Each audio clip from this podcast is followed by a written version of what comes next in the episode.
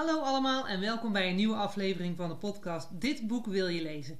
Ik heb een nieuwe gast uitgenodigd. Stel jezelf maar even voor. Ik ben Lara en ik ben 11 jaar oud. Nou, welkom Lara.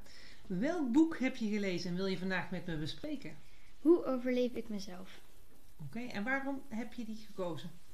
Ehm, ik vind het zelf een heel leuk boek en spannend vooral. En je blijft maar doorlezen. Ja, het is echt heel erg leuk. Ehm, kun je me in het kort vertellen waar het boek over gaat? Het gaat over een meisje die heel erg onzeker is. En ze zit in een pu- puberteit. En ehm, ze heeft ook een nieuw broertje erbij gekregen. En ze was namelijk van, eh, van Brabant naar Groningen verhuisd. En daardoor mist ze al haar vrienden en zo. Ehm, want ze is al drie keer eerder verhuisd. Dus, ehm, en ze heeft dus ook een nieuwe vader gekregen. En die is heel vervelend. Heel kan ze- streng is die, ja? Ja, heel streng. En ze eet alleen maar gezond. En dat vindt Rosa niet zo leuk. Nee, precies. En eh, Rosa heet ook wel Roos. Ja, want ze, eh, ze heeft een graffiti naam bedacht. Want ze kan heel goed tekenen. En ehm, ze ging een keer graffitiën voor de eerste keer. En toen ontmoette ze Neus. Dat is zijn graffiti naam. Van Vincent heet hij eigenlijk. En ze zijn toen ook opgepakt. Omdat ze gingen graffitiën op terreinen. Ja, precies. En graffiti is eigenlijk gewoon illegaal. Ja. En dan kun je dus betrapt worden. Ja. Oké. Welk personage vind je dan het meest interessant? Een neus die op het eind komt, want die is heel mysterieus. En Rosa zelf ook wel, want ze doet allemaal rare dingen. Ja, ze, Rosa is echt wel een type meisje die eigenlijk heel onzeker is, in de puberteit zit en niet zo goed weet wat ze allemaal wil. En daardoor zit ze een beetje in de knoop met zichzelf. Ja, want ze heeft ook haar haar paars geverfd. En eh piercing gepierst bij zichzelf in de wenkbrauw. Toen wenkbrauw. Ja, eerst, in de eerste instantie heeft ze een neppiercing en doet ze in de wenkbrauw en daarna in de lip volgens mij en in de neus. Ja. En later heeft ze nog een echte piercing in de wenkbrauw.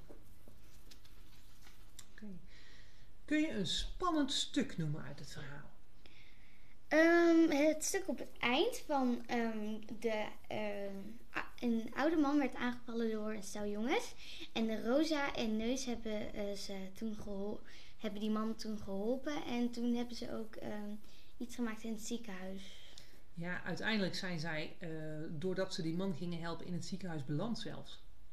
Ja, want ze zijn zelfs ook een beetje aangevallen. Ja. Dus ja. Ja, heftig stuk was dat. Ehm, nou, vertelde jij mij net dat je dyslexie hebt. Mhm. En dan zal het best wel lastig zijn om af en toe boeken te lezen. Hoe zit dat bij jou? Ehm, je kan niet alle boeken lezen. Hoe overleef ik mezelf is ook een heel moeilijk boek om te lezen. Vooral bijvoorbeeld Dagboek van de Muts zijn ook moeilijke woorden. Alleen het zijn grotere letters en minder tekst. Alleen dit is vooral alleen maar tekst en geen plaatjes. Ehm, maar een moeilijk woord is denk ik wel sur- survival tips, zo noem ik het. Maar het is survival tips. dus ik noem het, dus noem het de hele tijd sur- survival tips. Maar het was survival. Goed, je hebt het wel goed gelezen, Ja. alleen je moet het anders uitspreken dan. Hè? Ehm, en waarom, hoe komt het dan dat je dit boek wel hebt gelezen terwijl je toch dyslexie hebt? Eh, omdat het een heel leuk boek is vooral. Het onderwerp is heel interessant. ja, Hè? ik vind, het, ik vind dit soort boeken altijd leuk.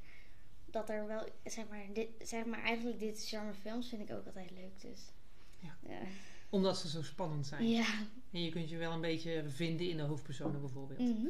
Ja, nou is Rosa natuurlijk heel creatief. En ik hoorde al van jou dat je ook heel creatief bent. Dus heb je daar ook dan eh, dat je denkt... Hmm, misschien ga ik ooit wel graffiti spuiten. Ik wil heel graag een keer graffiti gaan spuiten. Ja, mijn moeder deed het vroeger ook. Alleen dan niet illegaal, want dat wil ik niet. Want ik wilde ook heel lang eh, mijn muur, als ik het goed zou kunnen, wilde ik mijn muur graffiti gaan spuiten in mijn kamer. Oh, cool. Alleen dat heb ik niet gedaan. Want het mocht ook niet. Snap ik ook wel een beetje. Ja. Wat vind je bijzonder in het verhaal? Ehm, een beetje hoe ze zich. Ze is bijzonder raar.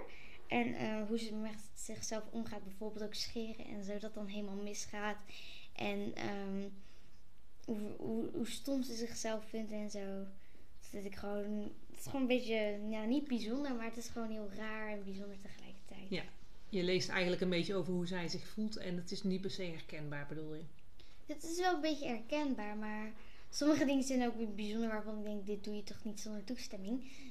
Ja, precies. Ja. Ehm, verder eh, las ik ook heel veel mailtjes. Kun je daar iets over vertellen? Ja, ehm Rosa, zoals ik al zei, is een paar keer verhuisd. Eh, als eerst van Jonas eh, was ze weg en toen van Esther. Ehm, en Esther en Jonas zijn haar beste vrienden. En Jonas, die eh, is een, was aan het begin van het boek een soort van een... een- IV, internetverkering of ja, innige vriendschap. ja, zoiets. En toen zei ze dat ze wel zeg maar verkering zeg maar, wilde nemen. En dat is toen uiteindelijk ook gebeurd met Neus en Rosa. En Jonas die probeert meisjes te krijgen, zeg maar. Maar dat lukt niet echt. Oké. En Esther, heb je daar nog iets? eh? Esther die is, ehm, die is een soort modeontwerpachtig iets. Dus die doet heel veel... Ja, de moeder doet dan heel veel kleding maken. En Esther soms ook zelf. En die is... En eh, Jonas stuurt eh, heel veel survival tips. En Esther ook. Om haar te helpen. Want aan het begin van het boek begint ze met Miss... Miss, Miss Piggy. Piggy. Omdat ze zichzelf zeg maar dik en anders vindt.